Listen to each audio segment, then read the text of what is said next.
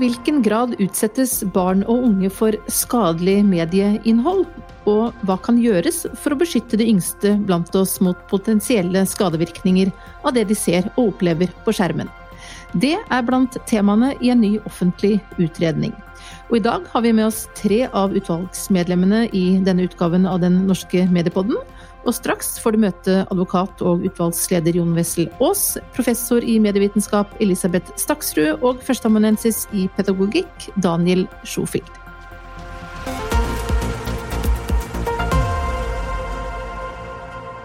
Nylig kom en ny offentlig utredning om beskyttelse av barn mot skadelig medieinnhold på digitale plattformer. Et faglig bredt sammensatt utvalg har både kartlagt den kunnskapen som finnes om de skadevirkningene det kan ha å bli eksponert for ulike typer medieinnhold, og sett på muligheter for hvordan barn kan beskyttes bedre mot skadelig innhold. Og Jon Wessel Aas, du er advokat og har ledet dette utvalget. Og det er jammen med et bredt felt med mange spørsmål dere i utvalget har hatt i oppgave å se på? Utvalget ble bedt om å se på tiltak for å beskytte barn mot skadelig medieinnhold. Og mandatet forholdt seg ikke til det man tradisjonelt har vært opptatt av, nemlig passiv konsumsjon, hvis jeg kan kalle det det, av, av medieinnhold. F.eks. å se på TV eller å gå på kino. Vi skulle også uh, vi skulle se på det òg, men vi skulle også se på barns egne aktive deltakelse i digitale medier. Altså som produsenter av innhold og deler av innhold. Uh, og rett og slett det som jo er virkeligheten til barna i dag. Og det siste det åpner jo for et ja, det åpner egentlig for å se på i prinsippet barns digitale liv. Og hva de kan utsettes for der, og kan, eh, hva slags tiltak vi kan gjøre for å forebygge at de blir utsatt for skade. Um, så det er kanskje den mest interessante delen er jo når man åpner den døren der. Jeg tror ikke det er så mange som frykter at barn skal bli utsatt for ting på kino eller på våre tradisjonelle fjernsynskanaler lenger. Dette med skadelighet er jo ikke så enkelt, for hvordan skal man egentlig vite hva slags innhold barn tar skade av å se eller oppleve? Og et annet spørsmål er jo om ikke det vil variere fra barn til barn også. Um, Elisabeth Staksrud, du har også vært med i utvalget. Du er professor i medievitenskap ved Institutt for medier og kommunikasjon ved Universitetet i Oslo. Og hva sier forskningen egentlig om dette når det gjelder uh, hva som er skadelig og ikke? Eh, det er et veldig godt spørsmål. Det har vært eh, mye forskning på medieskadelighet helt fra særlig 1940-tallet. og eh, Mye av forskningen tar jo utgangspunkt nettopp i den bekymringen for barn og unges påvirkning og hva det kan skje, særlig i forhold til om de kan få altså endrede sjelsevner, kan vi kanskje si. At de, at de skal endre holdninger eller verdier, eller ikke, ikke, bli den type samfunnsborgere eller den type mennesker som foreldrene, vi som samfunn vil. Eh, så det har vært mye forskning. Eh, og mye forskning på TV, mye forskning på video, mye forskning på spill eh, og på internett. Og hvis vi skal summere kort, så er vel kanskje den beste oppsummeringen er vel den som kom fra en stor studie som ble gjort om barn og TV på 60-tallet. Så man sa at for noen barn, under noen forhold, så vil TV kanskje være skadelig. For andre barn under de samme forhold, eller for de samme barna under andre forhold, så vil det ikke være skadelig. Og for de fleste barn under de fleste forhold, så vil mediene verken være spesielt skadelige eller spesielt eh, bra. Sånn det vel vi, Det enkle svaret er vi vet ikke, men allikevel så kan jeg si vi vet en del. Det gjør vi.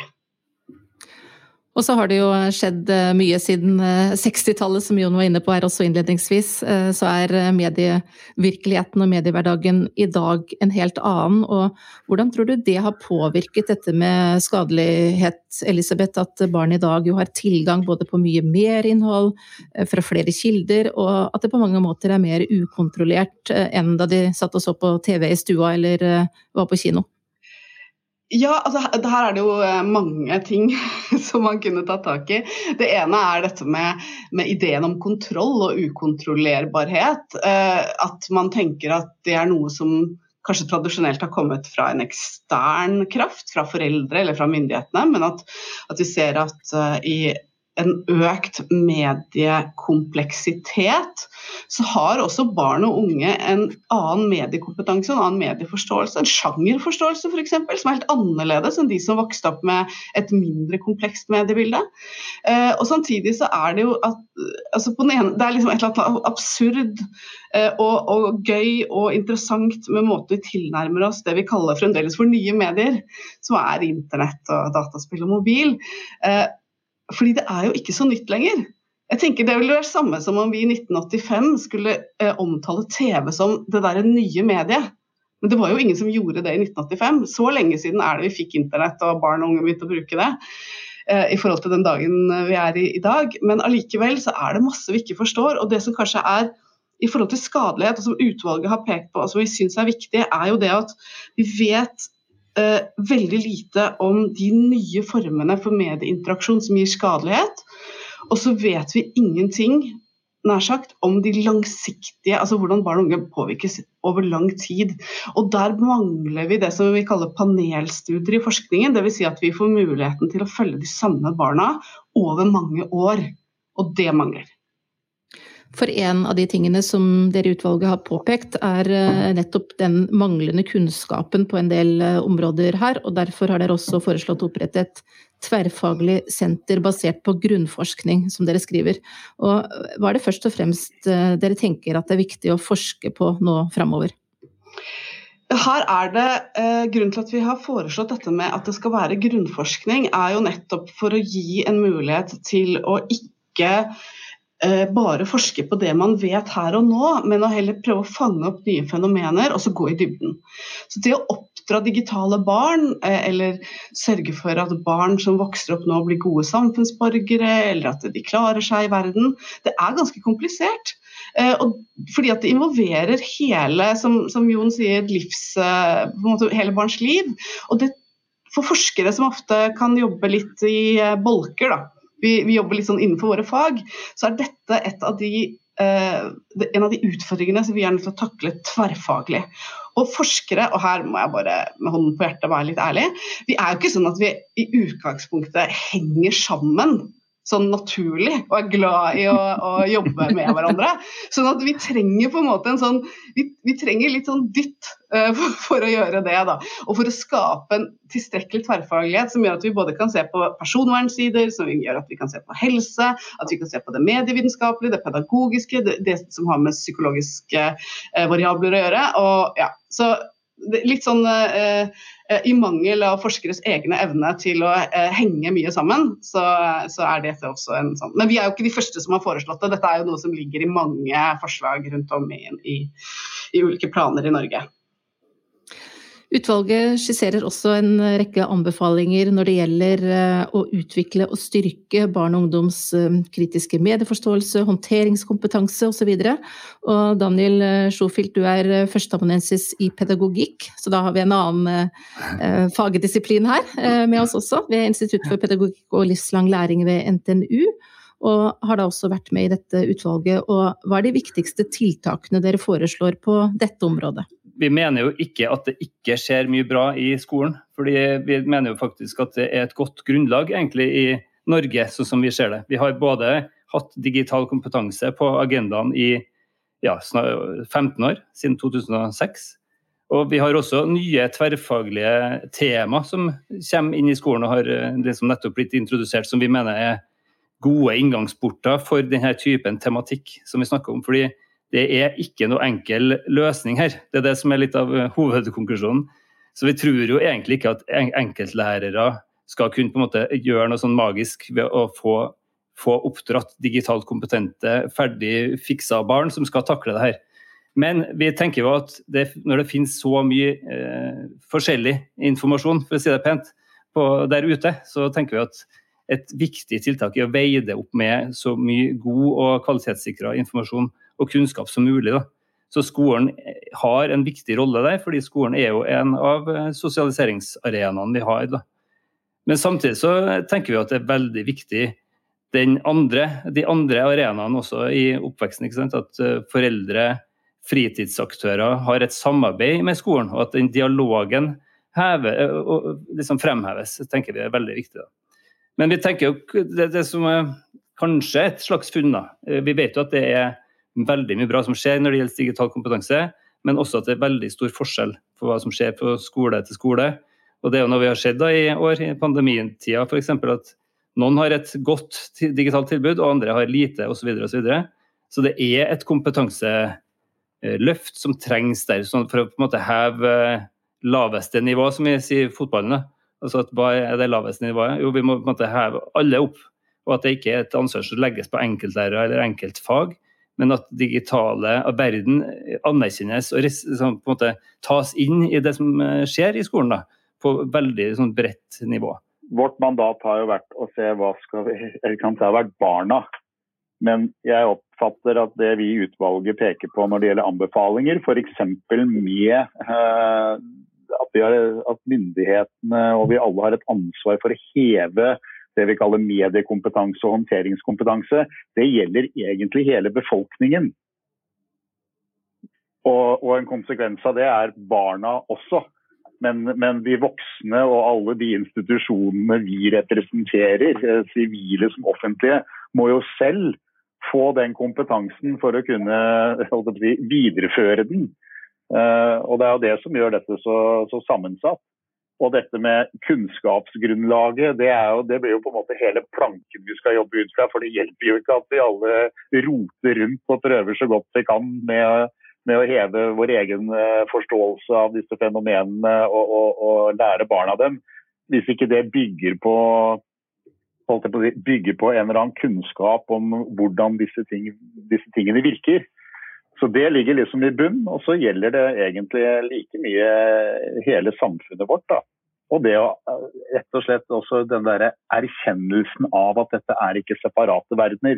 Det som vi eh, på en måte ser, og, og som vi har diskutert i utvalget, er at uh, de nye de er jo ikke så nye lenger, men de internettekster, internettkommunikasjonen, har blitt mer og mer sånn at verktøy er så intuitiv at man egentlig ikke trenger å lære å bruke dem. Det, det, er noe du bare Det blir en del av kulturen veldig, veldig fort. Og så blir det veldig fort noen hull der som egentlig ikke noen tar et ansvar for. Så det har blitt overlatt på en måte da, til fritida og til det som skjer mellom venner. Mens lærere, foreldre og vi voksne da, mister eh, litt fortere grepet enn det var når vi hadde kinofilm og, og bøker, som var på en måte hoveddelen av, av de tekstene vi brukte. Så, så, der er det nok et hull som vi må på en måte passe på at ikke vokser og det blir enda større. Hvis vi skal være litt uh, konkrete, hva tenker dere er den viktigste kompetansen, eller de viktigste kompetansene, for det er jo flere det er snakk om her, uh, som barn og unge må ha rett og slett for å kunne da navigere trygt uh, i det stadig mer komplekse medielandskapet vi har? Elisabeth? Veldig eh, stort, men også kanskje et veldig greit spørsmål.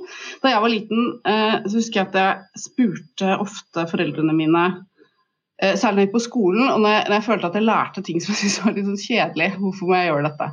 Mm. Så jeg husker jeg at Moren min, som eh, var vokst opp med folkeskole, pleide å si ja, men det er fordi at du skal bli et gangs, gangs menneske.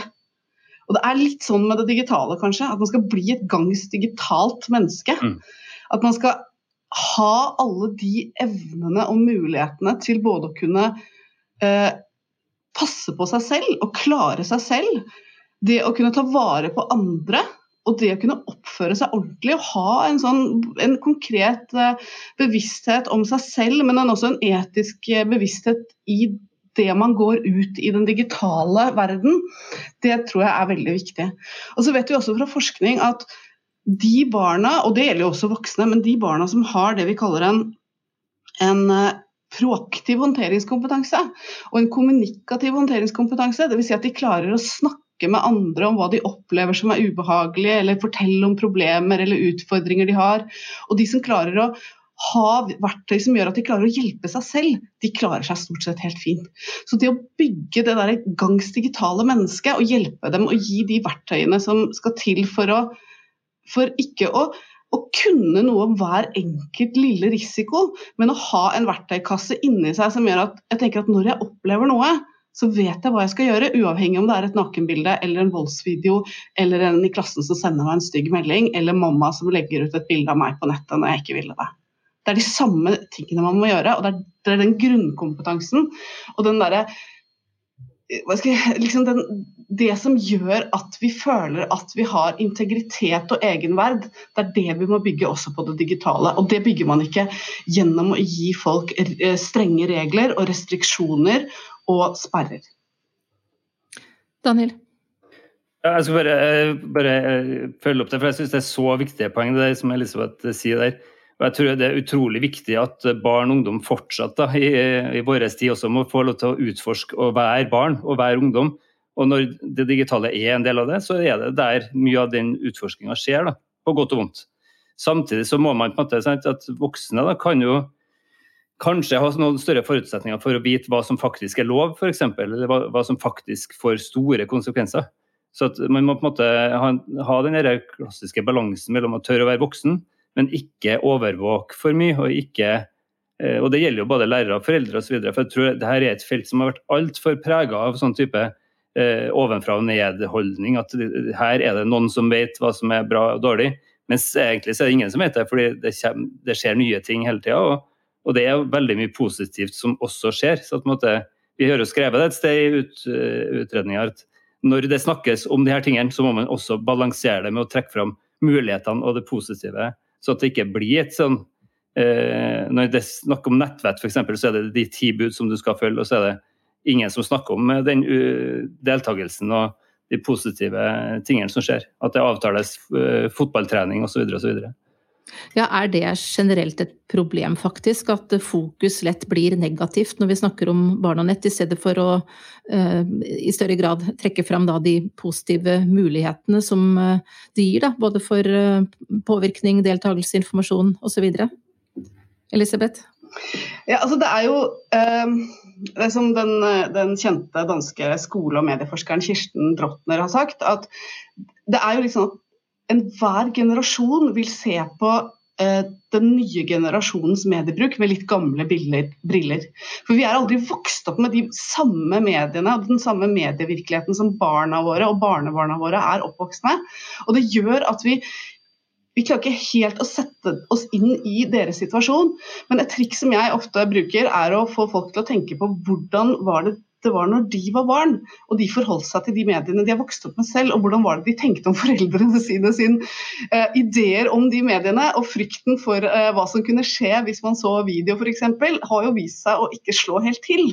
Sånn at det er å, det å ha litt is i magen, men samtidig så, og dette har vi masse god forskning på, så viser det jo at dette er et felt som eh, Kombinasjonen av det ukjente som er teknologisk, som ofte kommer med nye medier, og barn og unge, som er de man vil beskytte og som man vil passe på, den skaper ofte mye bekymring og mye angst. Og når vi spør norske foreldre om hva er du mest bekymra for, så er det nesten alltid eh, og bare disse medierelaterte bekymringene som kommer på toppen, i tillegg til det at barnet skal bli skada i trafikken. Så vi er ikke bekymra for sånne ting som er mye mer sannsynlig, som at barnet vårt er slem med andre eller drikker alkohol eller stjeler i butikken og sånn. Det er det nesten ingen foreldre som er bekymra for.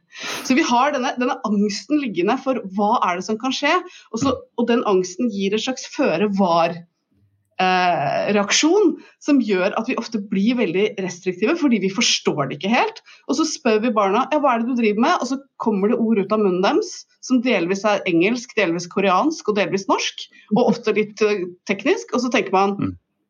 dette må skolen ta seg av. Det beste er kanskje at jeg bare sier nei. Nå har vi jo snakket mye om eh, forebygging, om eh, kompetanse, om kunnskap.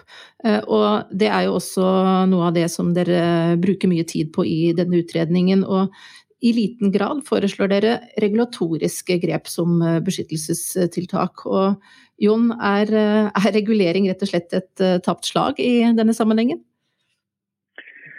Jeg må jo bare få si at når vi når vi sier at, uh, sier at, vi ikke foreslår det, så er det jo utgangspunktet at vi har en del regulering. Vi har jo regulering som ikke er spesielt myntet på barn. Vi har jo regler i straffeloven om sant, forbud mot uh, deling av bilder av overgrep mot barn og andre ting. Uh, mange sånne regler, og vi sier jo ikke at vi skal fjerne dem. De ligger der. Det vi har sagt er at Vi ser ikke for oss at det er ytterligere lovgivning som er den primære, effektive måten å beskytte dem på. Og Når det gjelder regulering av, av mediene, så er jo da poenget at det For å gjøre det helt kort, og det er ikke vi som er alene om å erkjenne, det har EU selv gjort på dette området. Eh, alle disse nye kommunikasjonsformene som er tilgjengelige for deling og konsumsjon av, av, bilder og annet på nett, det er det rett og slett ikke juridisk eller praktisk mulig å regulere på den måten vi kunne med kino og med NRK og TV 2. Eh, så det er, det er egentlig bare en erkjennelse. Eh, der er det andre ting vi, vi må gjøre. Og så blir det kanskje også da synlig etter hvert at uh, dagens lovgivning på noen områder uh, også forskjellsbehandler da, disse ulike medieplattformene. Et område som uh, dere er inne på i utredningen deres, og som vi også har sett på i Medietilsynet, er jo dette med aldersgrenser f.eks. Der er det jo bransjeaktørene selv som setter aldersgrenser i dag på film og program på alle plattformer. Altså type TV-program osv. Men på kino, der er det fortsatt uh, lovpålagt at staten skal gjøre det. En oppgave som vi da gjør i, i, Medietilsynet. Og i likhet med oss da, i Medietilsynet, så mener dere i utvalget også da at tiden nå har kommet for å likebehandle alle plattformer, og da også for kino overlate ansvaret til uh, distributørene. Og Jon Veslås, hvilke vurderinger ligger bak at utvalget foreslår dette?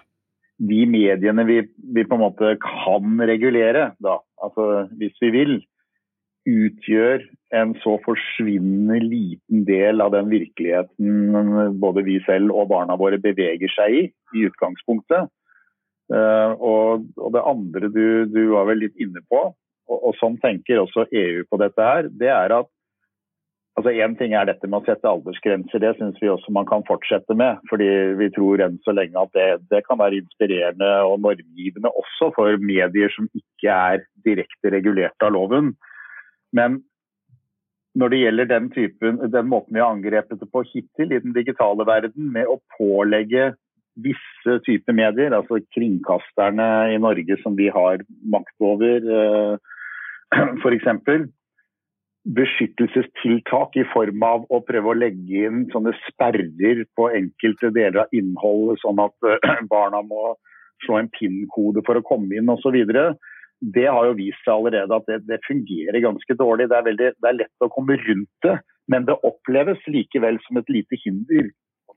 Hvis, hvis de ansvarlige mediene pålegges for å legge for mange sånne si, irriterende hindre i veien, mens alle de applikasjonene og mediene som barna ellers beveger seg på, ikke pålegges det.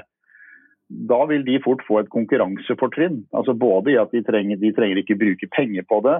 De, barna vil oppleve at er, kanskje, det, her er det treigt, er jeg må finne en vei rundt, ikke sant? sånn at jeg kommer inn på det. Mens går jeg her, da finner jeg det jeg vil. Da, da oppnår vi jo det motsatte av det vi vil. Det er jo kontraproduktivt. Da blir det enda mer deltakelse i de uregulerte delene av, av, av, nettet.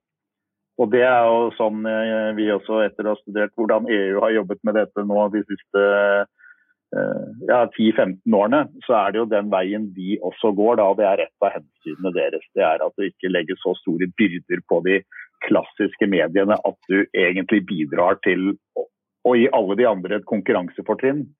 Og så undergraver du egentlig hele hensikten med reguleringen. Så det er eh, det forebyggende som er nøkkelen her, rett og slett. Sånn som dere ser det. Det er der vi må sette inn eh, innsatsen framover.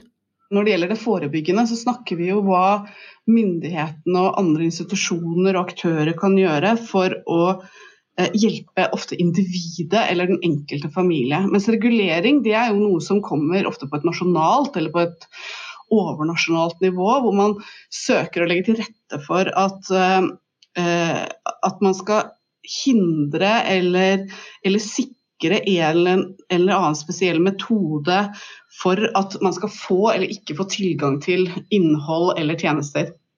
Eh, og det som er interessant med, med, nettet, er jo at kanskje på reguleringssiden så handler det vel ikke så mye om å eh, Sånn som vi i utvalget har sett om å regulere i forhold til det enkelte individ. Da. Det, er ofte der kompetansen må ligge, men at reguleringen kanskje heller må gjelde tilbyderne og tjenesteleverandørene. og de som, At man må ha noen, noen kjøreregler, som, som, Jon også var inne på, for de som faktisk tilbyr tjenester. Sånn at man har en forståelse av, um, av at barn og unge også er en del av denne medievirkeligheten. Og man kan ikke late som om de ikke er på nettet, og late som det bare finnes et voksent, kompetent og, og kognitivt oppegående publikum som tar egne reflekterte valg. For sånn er det ikke. Og barn og unge er eh, flinke nettbrukere, men de er der. og og noe av det vi har sett på gjennom utvalget i, i forhold til forskning, som er på en måte det jeg representerer, er jo at for veldig mange av de store sosiale mediene, så er jo barn og unge Det, det er en slags uh, eh, 13-årsgrense som handler mer om personvernlovgivning. Men som aldri var ment å, å, utelukke barn fra nettet, men som blir brukt som en sånn, ja det er en aldersgrense fordi det er enklere å si at ikke vær, ikke bruk disse tjenestene hvis du er under 13, for da slipper vi som et selskap å forholde oss til alle de ekstra tingene vi må gjøre for å sikre ditt personvern. Og Det er kanskje der litt av den reguleringskonflikten eller utfordringen ligger. Det å anerkjenne barn og unges rett til deltakelse og rett til ytringsfrihet, og det faktum å være pragmatisk, at de alltid allerede er der og har vært der i årevis. Og så lage regulering og sikkerhetsmekanismer som ja, kanskje de koster litt mer, kanskje er de litt mer kompliserte, men at man, man forholder seg til de brukerne som er der, og ikke en, en tenkt virkelighet av uh, en egen type voksne. Men hva slags eh, krav eh, bør man da stille, eller eh, hva slags endringer i regulering bør man da få f.eks. overfor disse store globale plattformene? For det er jo ofte som du sier, Elisabeth, at man sier at vi forholder oss bare til brukere over 13 år, for det er vår grense. Og samtidig så vet vi jo at veldig mange barn og unge er på ulike sosiale medier f.eks. da før, eh, før, denne alderen. Så eh, hva skal vi gjøre med dette? ja, altså jeg, jeg, må si at jeg har vært veldig Jeg er jo med et stort forskningsprosjekt som heter EU-Kids Online, hvor vi har jobbet mye med eh, også gi policyråd på, på bakgrunn av forskningen også knyttet til dette. Og det som vi eh, som vi sier er at den, uh, vi er ikke så glad i de aldersgrensene. Vi syns ikke at de fungerer så godt på sosiale medier. fordi at, uh, og det ser vi på, fra forskning på norske foreldre òg, at det er veldig mange foreldre og barn som tenker at det er alle andre er på nettet, og hvis jeg skal få med meg når fotballen begynner eller, eller uh, hva treneren Så er jeg nødt til å ha en Facebook-konto og, og, og at man sier ja, men det er greit, liksom, bare pass på litt. Sånn at vi har en slags eh, idealvirkelig, eller sånn idé om hva som skjer, og så har vi det som alle vet skjer. Eh, og det som vi har foreslått eh, internasjonalt, er jo en del ting sånn som safety by design, som det heter. At når man legger inn nye tjenester, at man legger inn på en måte gode mekanismer. ikke for å kaste folk ut som er under en viss alder, men for å klare å identifisere dem som barn, sånn at man ikke f.eks. gir dem push-reklame når de er på de tjenestene, eller at de er så lett søkbare for andre mennesker. Sånne, sånne uh, prinsipper det fungerer, uh, fungerer, veldig bra. For det første, hvis, hvis, vi skal ha noe håp om å kalle det på noen som helst måte regulere alle disse plattformene, så må vi så ja, så, så, må vi på en måte erkjenne at, uh, at de, de forandrer seg jo uh, både innholdsmessig, de som finnes, men det forandrer seg også hvem de er. Hvem er disse tilbyderne? ikke sant? De, uh, veldig få av dem er europeiske. De veldig dominerende har inntil nylig vært amerikanske. De har det jo godt an å, snakke med på et visst nivå, både for amerikanske myndigheter og europeiske, for de ønsker å være her. Um, men vi, nå dukker de opp fra Kina, ikke sant? og det er TikTok. Og igjen, vi må, ikke bli så, vi må ikke henge oss opp i hvordan det ser ut akkurat i dag. Dette er bare et tegn på at de kan flytte på seg, de vil flytte på seg eh, der hvor de syns det er mest hensiktsmessig å være. Og noen vil jo velge å være der hvor de tenker at her slipper vi å bli regulert. Så EUs tilnærming, altså og Norge kan ikke gjøre noe alene. Ingen av disse aktørene er etablert i Norge men, men, de ønsker å være det i EU, de store aktørene. Og Der jobber jo EU nå ut fra det man kaller et sånn samreguleringsprinsipp. altså Man går over fra som hard regulering fra myndighetenes side til en, en eller annen grunnleggende krav til dem, men hvor det ligger en sterk oppfordring til selvregulering. Du kan gjerne kalle det en sånn forbrukermakt via myndighetene-regulering. Altså hvis vi skal eh, la dere være etablert her i Europa og dere får de fordelene, ja da må vi se noe fra dere, som, som Elisabeth sier, safety by design. de kan jo dette teknologisk. De kan gjøre det bedre og tryggere for barn. Akkurat som de kan eh, fjerne annet innhold som, som alle land er enig i ikke hører hjemme i offentligheten noe sted. ikke sant? Eh, og det er veien det går, da. Dere har jo også hatt uh, direkte kontakt med barn og unge, um, heldigvis, i dette arbeidet. Og hva slags tiltak ønsker de seg? Det som er gjennomgående, er jo, er jo nettopp at den det vi finner i forskningen, da, som jeg kan snakke for, og det som barn og unge selv sier at de opplever, det stemmer heldigvis eh, må jeg si, overens. Så når vi undersøker barn og unge, og når vi snakker med dem, så forteller de samme, samme historie i forskningen og ansikt til ansikt. Og det handler om at, eh, som vi startet med å, å, i dag, at den forståelsen av mediene som en skjerm som noe passivt, litt sånn som TV. Man sitter og ser på det, og så bruker man mye tid på det. Eh, og så skal man regulere på en måte innhold som kommer i form av film eller i form av TV-programmer. At det føles veldig rart og veldig avleggs. Og når de sier hvilke problemer, hvilke utfordringer har vi med mediene, hva er det vi skal ta tak i, så handler det om innhold om selvskading og pro selvmord. Det handler om deling av, eh, av, nakenbilder som både kan føles kjempefint, men som også kan gå helt forferdelig, og som kan spres. Det handler, handler om personvernkrenkelser, og ikke minst handler det om digital mobbing, som har en mediedimensjon. Og det er den kompleksiteten som ikke handler om barna som mottakere, men som noen som interagerer med andre, og som er en del av en prosess, og som gir og tar. Det er der de store utfordringene ligger. Samtidig som at det er kanskje det som voksne eh, både foreldre og lærere, men også alle som jobber i hjelpeapparat og, og, som har kontakt med barn og unge, kan minst og forstår minst av. Fordi at de som ikke er vokst opp med internett, har ofte en veldig Er det lov å si kjedelig nettbruk? Vi er liksom veldig weborienterte. Vi går på leser VG og, og, Dagbladet, og vi går på Doktor Online, og vi henger på Finn og Yr og sånn, men, men, vi er ikke så mye mer spenstige enn det.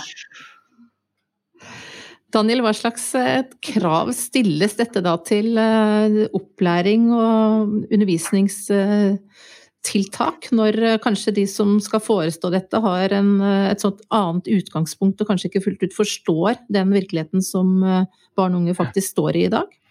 Ja, det er, jo egentlig litt sånn, sånn hva skal man si, en, en blanda beskjed vi får også fra de som Elisabeth sier, de få egentlig da, barn og ungdom vi har snakka med, men også gjennom forskning og erfaring så er det jo også sånn at barn også har ganske nær kontakt med eh, voksengenerasjonen gjennom sitt sosiale mediebruk. Så man har på en måte, Vi ser i pandemien f.eks. at man har kontakt med besteforeldre som ikke bor i samme by osv. Så, videre. så det er jo en slags sånn eh, kommunikasjon og en eh, relasjon der også. Men samtidig så gir, det, gir jo de her barna en veldig tydelig beskjed om at skal det være snakk om sånne type ting i skole og oppvekst, så må de kunne medvirke fullt ut, at, at de blir hørt på. Og at de da ikke får den moralske pekefingeren, syns jeg er en veldig viktig beskjed eh, som, som, de gir. Og også det som ligger litt i tittelen vår, at det skillet mellom det digitale verden og den fysiske verden, må man på en måte kanskje bare eh, slutte å snakke om det på den måten, rett og slett, for det er, det er så integrert og helt sånn eh, sømløst på et vis da, del av alt det andre som barn og ungdom gjør. Men hvis du snakker om hva skal man egentlig gjøre med det her i skolen, så, så er jo det en stor utfordring. Men det, det, ligger jo der allerede mange føringer på at det digitale skal inn fullt ut i norsk skole, og det skal digitaliseres. Vi, men vi har jo de grunnleggende ferdighetene. Det er jo egentlig en veldig bra utgangspunkt. Digital kompetanse inn i alle, alle fag, på alle nivå i skolen. Og også i lærerutdanning osv. Men det er nok fortsatt en innsats som bør gjøres der. Og også som jeg tror det er veldig viktig hvordan egentlig digital kompetanse fortolkes eller defineres. At det er ikke bare en så smal teknologisk ting, men det handler om hele livet vårt. på et. Utvalget har ikke funnet noen quick fix, skriver dere i rapporten, og det kan vi jo godt forstå når vi vet hvor komplekst eh, og stort dette området er. Men hvis dere skal si noe om hva dere virkelig håper at skal komme ut av det arbeidet dere nå har gjort med den utredningen. Hva tenker dere at er eh, det viktigste dere håper dette skal eh, føre til nå i fortsettelsen? Nå skal alle få lov å si litt. Ja, Elisabeth? Ja, altså Jeg håper jo, eh, også fordi at jeg vet at vi er ikke de eneste som har foreslått det, at vi får til eh, en tverrfaglig satsing på forskning på dette området. Eh, generelt så er det sånn at Barn og unge er ikke de som prioriteres høyest når det gjelder forskning, og særlig ikke den type forskning som eh, som er litt komplisert og som er kvantitativ kanskje, og som følger dem over tid, eller hvor man bruker nye metoder. Og jeg, tenker at det er veldig veldig viktig at vi får til det og, og får til forskning på, på, medieeffekter og på barn og unges digitale hverdag. Også fordi at det er vel det som både kan gi innspill til gode politiske løsninger, det kan gi innspill til de som jobber i feltet, til skoleverket, som Daniel snakker om. og Hva er det lurt å gjøre, og hva er det som ikke er noe lurt å gjøre? Og hvordan, ikke minst, hvordan skal man identifisere de barna som kanskje har en risiko for skade, og hvilke barn kan man på en måte ikke, trenger man ikke å, å, bekymre seg så mye for. Og så gir det eh, innspill også til, til regulering. Men ikke minst så er det viktig fordi det kan gi eh, informasjon til alle de foreldre og alle de andre som er så bekymra der ute. Vi vet at folk er så kjempebekymra. Og da er det veldig greit å kunne si at magefølelsen din er ikke kanskje alltid det som stemmer, eller kanskje er det det, men dette er det du skal være bekymra for. Og dette trenger du ikke være så bekymra for. Og dette er det som vi kan se virker, og dette virker ikke. Og, og, og så kan vi også gi den informasjonen til barn og unge. Og det å, å på en måte få til en en offentlig og en nasjonal samtale om hva er det som er bra for norske barn i forhold til medievirkeligheten og i forhold til den digitale oppveksten som de tross alt har, og at vi kan være sikre på at vi tilrettelegger for de gode mulighetene og at vi er sikre på at de gjør de riktige tingene for å hindre at de har risiko for skade.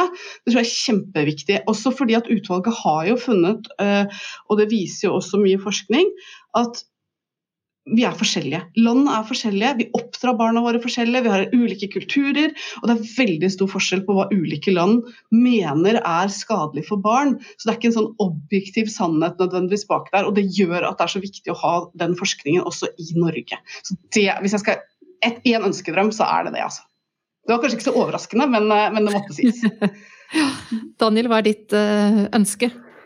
Ja, nei, Jeg kan jo bare følge på det Elisabeth sier. at det, det, er jo en veldig eh, god tanke det er å bygge opp et tverrfaglig kompetansesenter. Men også den nasjonale samtalen. altså Ikke bare at det, det, kobles nettopp til et senter, men at det er, her blir kunnskap som på en måte spres ut til kulturen vår.